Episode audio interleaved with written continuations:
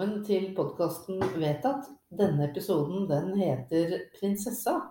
Og det skal vi snart komme tilbake til. Eh, mitt navn er Anette Solli, og med meg har jeg nå den pollenrammede Lise Hagen Rebstad.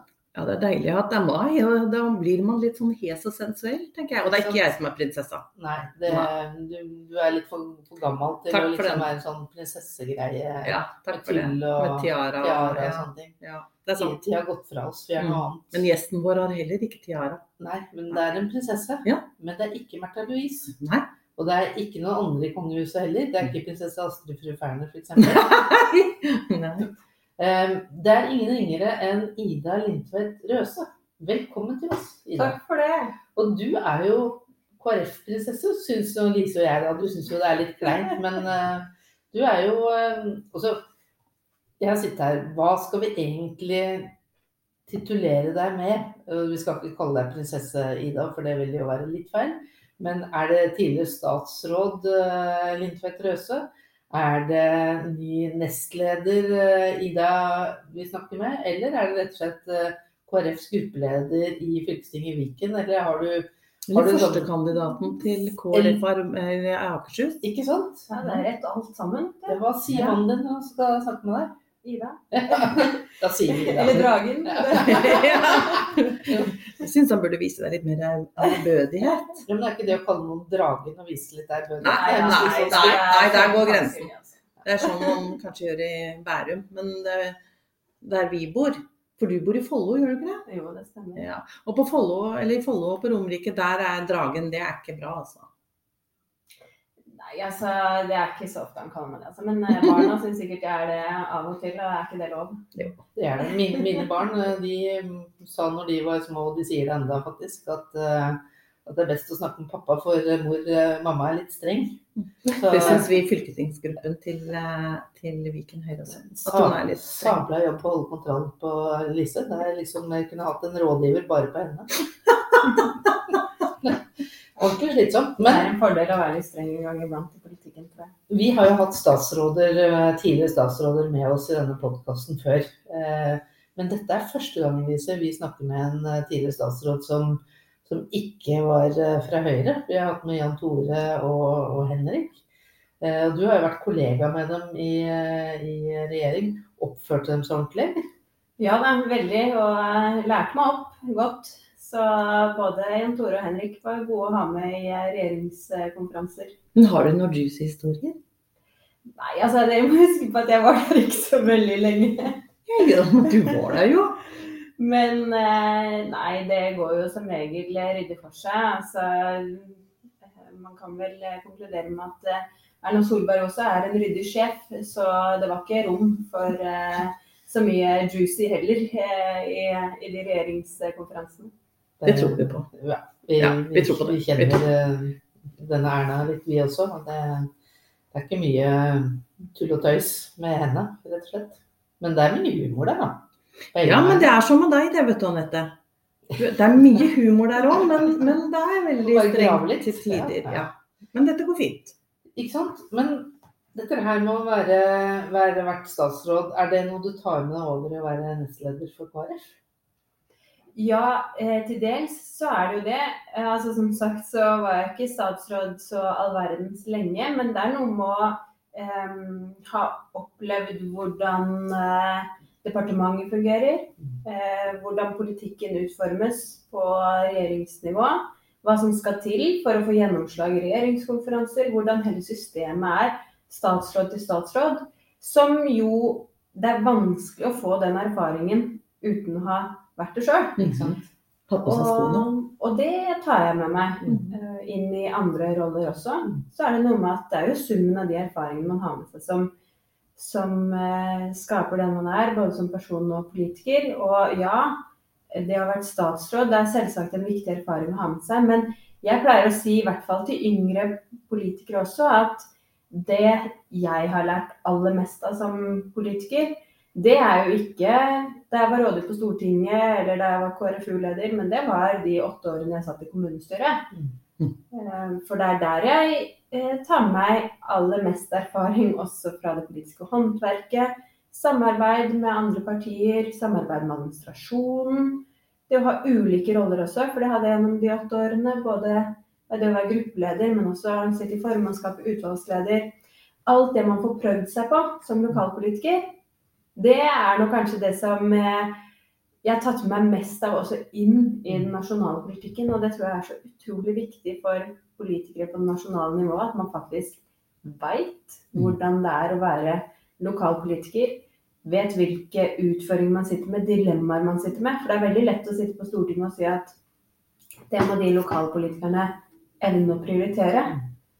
Eh, hvis du har sittet i et kommunestyre og eh, vurdert da, om skal vi legge ned fire sykehjemsplasser, skal vi ha tre nye lærere på skolen, skal vi legge ned en barnehage De krevende avgjørelsene der står lokalpolitikere hver dag. og det er viktig å ha med seg for nasjonale politikere. For det er fort gjort å glemme det. Mm, det tror jeg. Og du har jo kjent på det på en annen måte også. Eh, for du er jo ja, du er så vidt 30 eller noe sånt? Ja, jeg er 30. Ja, ikke sant? Det er jo godt gjetta. Eh, stolt av meg selv. Et lite øyeblikk, i hvert fall. Men du har jo tre barn. Og ja. dette her klarer du tre små barn, og dette her kombinerer du på tilsynelatende strak arm eh, med å holde på med politikk. Det kan ikke være enkelt? Eh, jo, til dels. Eller hva skal jeg si, man, som allerede Lyngmann, på en måte. Så man tar jo det som det er. Mm. Og så tenker jeg i hvert fall at ja, vi har tre små barn, og det gjør at vi må selvsagt prioritere dem. Gjøre noen annerledes prioriteringer enn det vi ellers hadde gjort, åpenbart, hvis vi ikke hadde hatt barn. Så er det en hektisk periode nå, så kanskje vi får det litt roligere om noen år, kanskje. Eh, men eh, for oss så handler det i hvert fall om å legge lista litt lavt da, på andre områder. Altså, ja, man kan ha en eh, heftig jobb, og det har jeg til dels. Og så er det det jeg har vært vant til da, eh, over mange år. Eh, og så tilpasser man det med familiesituasjonen. Men jeg pleier å si at vi er to om det. Eh, og ikke bare to om det, vi er egentlig familie for noe sex om det, fordi at vi har noen besteforeldre på begge sider som bor i nærheten. Så de tar litt ansvar, de òg, og det er vi veldig glad for. Takk og lov for besteforeldre. Ja. Mm. Veldig. Vi hadde nok måttet gjøre ting litt annerledes hvis vi ikke hadde hatt eh, barnevakt som kunne stille på relativt kort varsel og hente i barnehage hvis det skulle være noe. Men klarer du å ta vare på venner? Ja, jeg har veldig mange gode venner, både i politikken, da. Det er jo, jeg er veldig heldig at jeg har vært med i eh, ungdomspolitikken lenge. Og mange i jeg vil si, vår vennekrets er jo også engasjert i politikken, så man møtes sånn sett i jobbsammenheng også. Mm. Eh, men også gode venninner både fra videregående og fra studietida som eh, prøver å være med så ofte som vi kan. Mm. Men Ida, eh, i KrF så er det jo ikke spesielt vanlig at man frontes med Eller at partiet fronter politikken sin så veldig med unge kvinner tidlig i 30-årene. Og du er attpåtil nestleder. Uh, hva tenker du at må til for å løfte opp KrF til gamle høyder igjen? Det mest avgjørende, som jeg ser det, er jo å få frem politikken vår og hvordan Eh, politikken kan løse utfordringer som folk kjenner på. Enten det er liksom, familier som eh, ja, får barn eh, i januar, da, så har du ikke barnehageplass for sju måneder etterpå. Eller at man faktisk får barn i september og ønsker å være hjemme litt lenger med barnet. Eller det er næringslivet som opplever kjempestore utfordringer med at det legges på skatter som man ikke hadde regnet med. Og da ender det opp med å være en ganske stor usikkerhet på okay, er det, er det vår bransje neste gang? Eh, hvordan vil budsjettene se ut fremover? Og som opplever da en stor uforutsigbarhet. Og dette går på en måte i, i dybden av KrF sin politikk, som starter med de nære fellesskapene som vi er en del av. Det er familien, venner, ulike frivillige organisasjoner. At de fellesskapene er viktige å verne. Og at fellesskap er noe mer enn bare staten, som venstresiden ofte betegner det som. Og også den enorme ringvirkningen som da lokalt næringsliv, familieeide bedrifter gir tilbake til fellesskapene. Det er på en måte alle de små ankerfestene i, i lokalsamfunnet, i, i familien, i næringslivet du tenker på? Mm. Mm. Men kontantstøtte, det er jo en greie. Lise og jeg er ikke enige om det. Også, Ikke sånn helt enig, i hvert fall. Nei, for jeg tenker jo at eh, Er det så lurt? Er det ikke bedre at faktisk eh, mange av de barna som får kontantstøtte, eller foreldre som får kontantstøtte, kanskje heller burde hatt barna sine i barnehage? Det kan godt være at det er noen det gjelder for, men eh, jeg tror jo at eh, utgangspunktet for familien og utgangspunktet for foreldrene er at de vet best om sitt barn og hvilke behov sitt barn har. Og i hvert fall at de selv vet bedre enn det vi politikere vet. Og at det er en ganske sånn instrumentell måte å tenke politikk på, eller eh, ja, jeg vil også si venstreorientert for så vidt. At man setter systemet foran menneskene, og man sier at nei, jeg som politiker, jeg antar at barna har best av å være i barnehage og ikke hjemme sine egne foreldre. Og at vi derfor skal ha politiske tiltak som fører til at alle må gjøre det valget. Samtidig som forskningen viser jo at en del små barn faktisk opplever stor grad av stress av å være i barnehage. Noen mestrer det helt fint. Og jeg kan jo avsløre at altså, jeg har fått to barn, da, født ett et i januar og ett i februar. Og vi har jo ønska veldig sterkt barnehageplass eh, fra det ett år og ikke har fått det. Eh, men det er klart jeg, på vegne av mine barn, så ville jeg helst valgt at de skulle være i barnehage. Eh, men jeg mener også det er et valg som er opp til meg. Og hvis jeg hadde sett at mitt barn ikke hadde hatt det bra i barnehage, så ville jeg også hatt et ønske om å kunne ta og være hjemme litt lenger. Og jeg er veldig enig med deg i at det skal være valgfrihet. For jeg mener også at eh, hvis man har muligheten til det, så det er sikkert fint, eh, og hvis det passer best for deg å være hjemme. Men det jeg har vanskeligheter med å forstå, det er hvorfor samfunnet skal betale for alle mine valg. Og det er kanskje støtten jeg har mer eh, utfordringer med å forstå enn enn valget. For at det, det er ikke alle valg her i livet som vi får betalt for. Nei, men eh, husk at en barnehageplass er veldig sterkt subsidiert. Mye større subsidier til å ha en barnehageplass enn eh, å være hjemme med kontantstøtten. Og vi stiller jo ikke noe krav om at man skal jobbe for at barnet skal kunne være i barnehage og ha eh, barnehagesubsidier. Da. Så sånn sett så blir det litt urettferdig tenker jeg, å stille det kravet til foreldre som mottar eh, kontantstøtte, altså et velferdstilbud, da, eh, for å være hjemme og gjøre en omsorgsoppgave for egne barn. Eh, Men samtidig så stiller du ikke det kravet til eh, foreldre som har barna i barnehage. Da kan man eh, helt fint eh, ikke være i jobb. Eh, Så for meg så blir det en eh, ja, veldig eh, eh, statlig orientert måte å se på det på. eh, Og ikke ta utgangspunkt i familien og familienes behov. Det er jo vanskelig. Eh, Altså, for å si det sånn, Hvis du eh, velger å ha ulønna permisjon og ta imot kontantstøtte, så er det de aller færreste som da får eh, kompensert fullt ut sin egen lønn med kontantstøtten på 7500 i måneden. Så det er uansett et valg. Eh, og det er uansett et ganske heftig økonomisk valg å gjøre som familie. Eh, men eh, derfor å få noe støtte for det, på lik linje med andre foreldre som har barn i barnehage, som får støtte til det, så tenker jeg at det er helt rimelig. Burde man ikke heller fått akkurat det samme beløpet da, som støtten for eh, barnehagen er? Ja, da hadde man fått mye mer da i kontantstøtte. Jeg er klar over det. Jeg er klar over det. Det har kanskje rett og slett blitt altfor dyrt. til Ja at ja, er, jeg det. Men jeg ser dette med kontantstøtte og fritt skolevalg egentlig som to sider av samme sak. Fordi kontantstøtte handler jo om å kunne velge noe annet enn det som eh, myndighetene legger opp til. Argumentet ditt om at man kan jo betale for det selv, eh, det gjelder jo for, eh, for eh, hvor man skal begynne på videregående også. For du kan bare velge en privatskole eh, og betale for det. Eller en friskole, ja. Ikke sant? Men det heter jo privatskoler i dag med denne regjeringen her.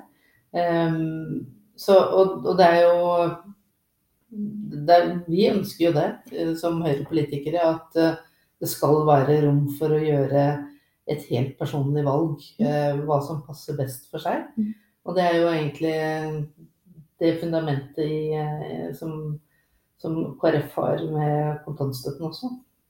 Ja, og så kan du si det er ikke så veldig mange som velger det nå.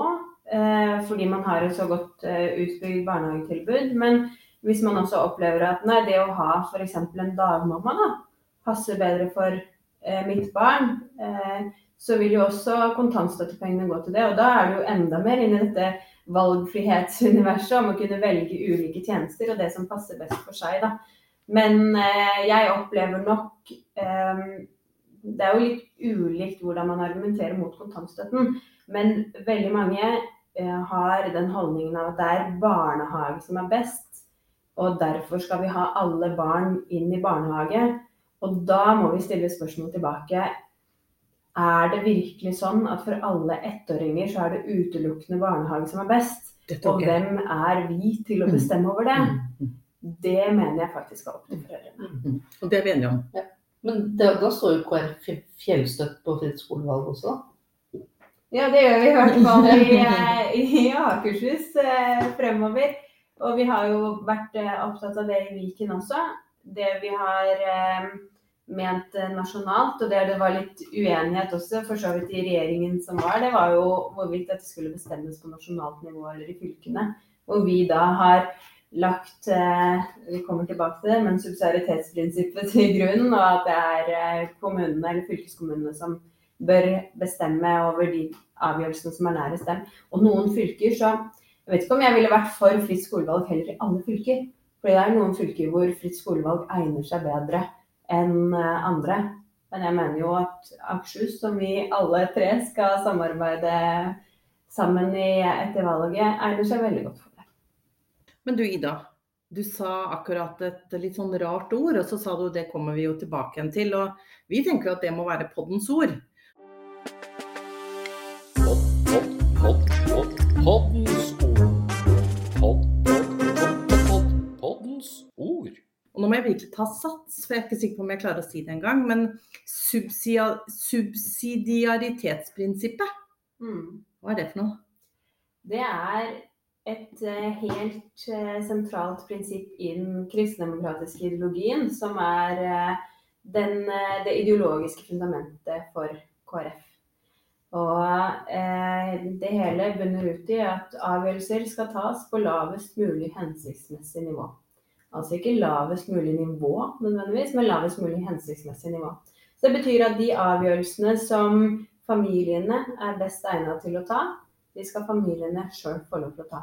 Her har vi jo eh, permisjonsordning, f.eks., som er veldig tydelig eksempel på dette. Hvor eh, staten nå har lagt opp til en veldig rigid ordning, tredeling. Hvor vi mener at foreldrene bør få bestemme mer sjøl på hvordan de skal fordele den. Ehm, Så har man eh, andre politiske områder hvor kommunene bør ha mer å si. Fylkeskommunene og nasjonalt nivå. Og så vil jo eh, noen eh, hevde også kanskje et eh, internasjonalt nivå. Men at eh, politikken skal legges lavest mulig. Og det gjør jo at vi ønsker i hvert fall mest mulig at avgjørelser som hører kommunen til, skal lokalpolitikerne bestemme. Men ofte så har vi en trang ikke sant, når vi sitter på Stortinget, til å skulle overprøve Mm. lokalpolitikerne. Og for meg så er dette prinsippet viktig fordi det hele tiden minner oss om hvem er det som skal ta avgjørelsene. Skal det være lov å ta dumme avgjørelser? Ja, det skal det for en selv. Eh, og eh, skal det være lov å ha ulikheter mellom kommuner? Ja, det må det faktisk være. fordi at i én kommune så kan man ha noen utfordringer som lokalpolitikerne har eh, fokus på der. Og i en annen kommune så kan det være annerledes. Så er det jo også sånn, og det er jo forferdelig for en KrF å innrømme, som på en måte sitter eh, rundt eh, sperregrensa sånn oppslutningsmessig. Men jeg mener faktisk også at folk har valgt sine politikere. Mm. Og de politikerne har vist frem sine prioriteringer. Og så kan jeg mene at eh, de som ikke stemmer på KrF, da gjør et dårlig valg. Men det er noen velgernes valg, da. Eh, Og da skal også de prioriteringene til de partiene som har fått flertall, være synlige i kommunen. Det var et godt ord, men jeg lurer på hvorfor eh, har dere ikke heller et ord som alle ville forstå og hva er? For jeg syns jo forklaringen din var veldig god. Fordi det ikke er noen ord som er bedre på å romme eh, altså. hele prinsippet. Mm. Eh, og Derfor så er jeg mer opptatt av å forklare hva subsidiaritetsprinsippet innebærer, enn å skulle finne på et nytt ord som ikke beskriver det like godt. Vi har hatt mange diskusjoner eh, i partiet om man f.eks. skulle sagt nærhetsprinsipp istedenfor. Mhm. Men for meg blir det helt feil, fordi det sier i grunnen at alt, alle avgjørelser skal tas i eh, nært til menneskene det gjelder. Men da mister du hele den eh, dimensjonen med at det skal faktisk være nærest mulig hensiktsmessig nivå. At noen avgjørelser må flyttes over fordi vi jobber for alles felles beste som politikere. Og da er det noen avgjørelser som ikke kan tas av enkeltmennesker. Da er det noen avgjørelser som må fattes på nasjonalt nivå, og som ikke kommunene kan styre over. Er det et verdisyn som det er krevende å praktisere i eh, sånn hverdagspolitikken? Ja. Og spesielt for nasjonale politikere, vil jeg si. Fordi at man ser alltid utfordringen man ønsker å løse. Og tiltak eh, for oss lokalpolitikere, da. Vi kjenner jo til det. Det er jo ofte sant, lovreguleringer eller øremerkede midler. Det er ganske fortvilende å sitte, og der har jeg vært da, som lokalpolitiker.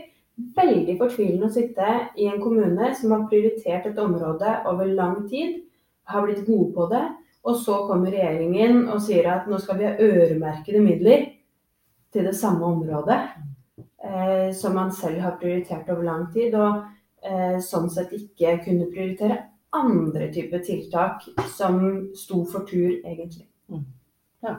Vi har lært noe nytt i dag. Ja, makta til de som sitter nærmest eh, problemet og kan, kan løse det best. Mm. Det er jo det er lett å, å heie litt på KrF her, Lise. Veldig, og vi er veldig glad for å lære nye ting. Eh, Vi er opptatt av kunnskap, eh, og i dag har vi lært noe nytt om dette. Så. Så det er bra.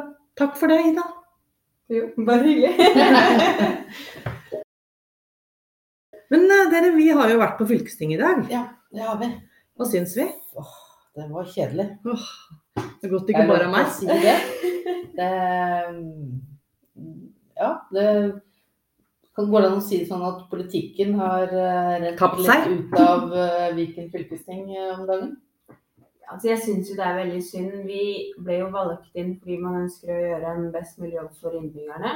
Og ønsker å utvikle fylkeskommunen. Og så er det vi bruker tida vår på, um, stort sett uh, administrasjon av en oppdeling av fylket. Mm. Og manglende utvikling. Jeg syns eh, det er synd at vi har kommet i den posisjonen. Og så skal vi selvsagt gjøre alt dette, for det trenger vi jo for å starte de nye fylkeskommunene. Men det er klart at man har mistet tid med utvikling.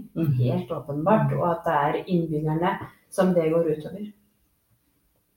Så blir jeg så forbausa når posisjonen stemmer mot ting de egentlig er for, og sier at ja, det kommer. Ja, for i dag så har vi jo hatt et Høyre-forslag som eh, egentlig tar utgangspunkt i at eh, fylkestingssiden har jobbet siden nyttår egentlig med å sørge for at ingen får doble godtgjørelser eller får betalt for penger eller for, for, eh, for ting de egentlig ikke gjør når det kommer til den der rare overgangsfasen som er fra midten av oktober til, eh, til 1. januar. For det er jo sånn at da er det, det, er det nye fylkestingene opp og går i Akershus, Buskerud og Østfold. Samtidig så er det litt eh, liv i Viken også, for man skal drifte fylkeskommunen og man skal avvikle fylkeskommunen. Så fylkesrådet vil jo være der. Så vi, vi, vi syns det har gått litt sånn sakte med at fylkesrådet skal fortelle hvordan de vil nedbemanne, og hvordan de skal sørge for at det ikke blir noen som sitter og tvinner tommeltotter. Og det har vi fått liksom lovnader om at det kommer, og det skal fylkesrådet ta seg av. Altså nå, nå hadde vi et forslag hvor vi ba om å få det gjort snarest. Og da kunne jo eh, fylkesrådsleder Siv Jacobsen fra Arbeiderpartiet kunne jo si at det, det kommer nå snarest Mm. 25. mai. Så skal de legge frem en sak om dette her. Og så stemte de imot. Og så stemte de imot. Eh, og det kan jo ikke være noen annen grunn til det, At det var du som la det fram. At det kom fra Høyre. Og det synes, synes liksom Hvis du er enig, så kan du vel stemme for, da. Hvis dette her er sånn det er. Men da, de er så redd for å gi noen en halv seier at det, ligner ingenting, tenker jeg. Ja, har ikke det vært gjennomgangstoden? Jo, jo. Jeg tenkte litt sånn, ja ja, det var ikke noe nytt eh, det, at de stemmer mot et forslag. Eh, Det var nesten som man skulle tro at de tok det opp igjen sjøl. eh, en time senere. Eller kanskje de kommer tilbake i morgen, så stemmer de for. Nei da. Eh, men vi har hatt noen sånne eksempler da, hvor, hvor våre forslag har blitt stemt ned, og så har de fremmet det selv. Men for all del, det viktigste for oss er at det skjer, da. Det er det. Det er sant. Det er Men sant. på den annen side så er det jo en sånn veldig god sånn eh, veiviser eh, for politiske partier at man stemmer for det man er for, og mot det man er mot. Det pleier vi å gjøre. Ja, og jeg lærte det av Nils Åge Jekstad, som var fylkesordfører i Akershus før meg. Stem for det du er for, og mot det man er mot. Og hvis det er fra et annet parti og du er for, så stemmer man for for det man Eller så altså, Hva er det vi holder på med da, liksom? Hvis vi liksom ikke kan stemme for det vi er for fordi at det er feil avsender. Så jeg tenker at sånn i ja, litt sånn politiske forakt kan man jo kan man jo legge Godviljen til kan man prøve på. ja, eller så kan sånne, sånne måter å gjøre det på skape kanskje grobunn for politikerforakt. Mm. Ja, altså jeg husker da jeg selv kom inn i kommunestyret i Oppegård i sin tid, da, så lærte jeg to viktige ting av eh, deres partifelle og tidligere ordfører, eller nærmest borgermester i, i Oppegård kommune, Sylvi Graham. Og hun sa to ting eh, som jeg tenker er verdt å, å merke seg, og som andre også bør ta til seg. Og det ene er at som lokalpolitiker så må du samarbeide med administrasjonen. Det er de som skal utføre vedtakene du gjør. Sånn at hvis du ikke samarbeider med administrasjonen, så får du heller ingenting gjort. Det var det ene. Og det andre var nettopp at du må samarbeide med de andre partiene. For alle er vi valgt inn fordi vi har et ønske om å gjøre lokalsamfunnet vårt, fylket vårt, bedre. Mm. Og det er motivasjonen for alle som sitter der. Selv om vi er rykende uenig Mm. i noen politiske saker, så er motivasjonen vår at vi ønsker et bedre fylke for alle. Mm. Og hvis vi ikke har det som utgangspunkt, men at vi liksom skal kjempe mot hverandre, så er det eh, ikke partiene som taper på det, men det er innbyggerne. Fordi det er helt åpenbart for oss at ja, så klart har både Rødt og SV noen ganger noen gode forslag, og noen ganger noen dårlige. Men da støtter man jo de forslagene man er enig i, og kan samarbeide om de sakene man er enig i, uavhengig av eh, hva slags partinavn som står bak forslagsstilleren. Men Ida og Lise, Ja. Og- og- hvis jeg har telt riktig, Ja. i morgen så er det 1, 2, 3 dager igjen til valget. 123 dager igjen til valget. Ja. Eh, nytt fylkestingsvalg i for nye Akershus. Mm. Det er jo rimelig spennende. Og, og borgerlig blokk, hvordan man kaller det det, i Akershus står jo, eh, står jo veldig sterkt eh, i meningsmålingene akkurat nå. Så det, det ser jo ser jo ut som Lovende det er, ut. Lovende, det ser lovende ut. Det Mm. ser ut som det er muligheter for å få gjennomført noe politikk. Mm. Skal vi eh, se litt, I krystallkulen? inn i krystallkulen og, og spørre Ida Ja. hva tenker du det er det viktigste for Akershus Nei, Jo. Akershus. KrF. Ja, Akershus KrF så, å få gjort først. tenker det er Når egentlig vi kommer til makten. Ja. Jeg tenker det er to områder som er veldig viktige for oss. Og eh, Det ene er unges psykiske helse. Mhm. Og Der har vi jobba sammen i denne perioden iherdig Mm. For å sikre et godt eh, miljø for ungdommene våre på de videregående skolene, og ikke Mm. minst fagpersoner, som gjør at lærerne kan være lærere. Og så har vi andre ressurspersoner på skolen, helsesøstre eller helsesykepleiere som det heter nå, tilgjengelig. Og at vi får til en videreføring av den satsingen som vi som partier stelte i stand i Akershus i sin tid. Det er utrolig viktig. Og at det går foran skolemat eller andre symboltiltak i skolen. Bind og bleier. F.eks. Eh, også det å gjøre eh, mer for de som faller fra. Mm. De som ikke er i utdanning og ikke er i jobb. Og at vi får på plass et bedre tilbud eh, for de eh, ungdommene som det gjelder. Det er helt avgjørende for å hindre dropout, så at ikke de får en lang karriere i Nav. Det er noe av det viktigste vi som fylkeskommune kan gjøre fremover. Det er det ene området. Så må jeg jo si kollektivtransporten. Eh, og grunnlaget vårt der er jo at folk vil jo hjem. Sant? Folk vil være sammen med familien sin, vennene sine, og da må man kunne stole på at bussen går når den går. Eh, Og det å jobbe aktivt med det og få eh, et bedre kollektivtilbud, et kollektivtilbud å stole på, og billettpriser som det går an å eh, reise på istedenfor å ta elbilen eller bilen inn til byen, det tror jeg blir en viktig oppgave for oss. Jeg kjente jeg ble veldig glad. Mm. Det her er det kristningspunkter, kan vi trygt si. Det kan man si. Eh, Mm. Det er vel eh, Mm. det, er vel god grunn til å si at eh, vi har politikk som eh, i mange praktiske eh, tilfeller ligner veldig på hverandre. Ja, jeg tror vi kan få til et uh, veldig godt samarbeid etter valget. Hvis jeg skal dra frem én ting til som jeg mener vi har jobbet altfor lite med Viken, så er det jo uh, næringsutvikling. Og Akershus som uh, nytt fylke er jo helt sentral. All næringsutviklingen som skjer i Akershus. Og også få til flere etableringer både på Romerike, vestsiden og ikke minst i Follo og Follobanen nå og hvor viktig det vil være for å utvikle næringslivet videre. Men også spille på lag med næringslivet. Fordi eh, veldig mange næringsaktører ønsker å bidra. De ønsker å bidra inn i videregående skole når det gjelder yrkesfag. Ønsker å bidra på utstyr. Ønsker å bidra i lokalsamfunnet. Og vi har en litt annen holdning til å samarbeide med ulike aktører enn det dagens styre har. For de sier at dette skal vi klare sjøl, mens vi sier at vi vil spille på alle gode aktører for å få til noe. gode. Mm. Mm. Og det tror jeg også blir veldig viktig for et styre videre Akershus. fordi at det er jo ikke sånn at vi har veldig mye penger å rutte med i fylkesbudsjettet, vi heller. Nå har de jo brukt opp veldig mye penger på å oppløse Viken i tillegg. Og da må vi greie å løse oppgavene på en bedre, smartere måte. Men eh, er, du er full av gode ønsker og, og spennende ting du ville ha gjennomført. Og vi kjenner oss jo igjen i det og, og heier på det. Men nå er jo denne, denne episoden er ved sin avslutning. Mm -hmm. uh, Og da har jeg en utfordring til deg. For Lise og jeg vi avslutter alle episoder på samme måte. Man kan velge seg én ting.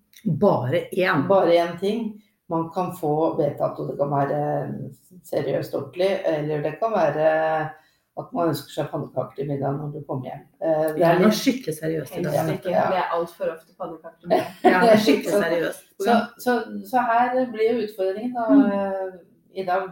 Hva er den ene tingen du mer enn noe annet akkurat nå kan tenke deg å få vedtatt? Ja, så skal det være på nasjonalt nivå Du eller, fylkesnivå. Fordi selv. Hvis jeg skulle sagt noe på nasjonalt nivå, så er det jo at eh, alle skal få barnehageplass når man trenger det, uavhengig av når på året barnet er født. Det har vi slitt med i hvert fall, så det skulle jeg ønske at folk som eh, fødte barn etter meg kunne oppleve. Det er kalt ikke det var. Men, eh, men, men hvis jeg skal si noe eller et Nei, Det var én ting. Det var ja. Ja, greit. Har du- har du lyst til har du lyst til å ombestemme deg? Har du lyst til å bytte? Nei, jeg bare tenkte for Akershus sin del, hvis jeg kan bare dra det ned også på, på fylkesnivå, så er det å gjøre en skikkelig jobb for de som dropper ut. At vi greier å få på plass et ordentlig tilbud som fanger opp de som ikke er i jobb eller utdanning, og får dem inn igjen. Fordi det har så enormt stor betydning for den enkelte. Men skal vi la Ida få lov å få to, Anette?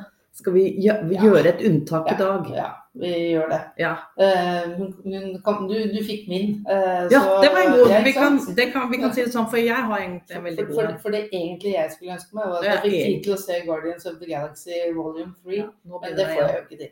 Så jeg, jeg ga deg mitt uh, Lise, du kan kanskje ønske. ønske deg et kortere møte i morgen. Ja.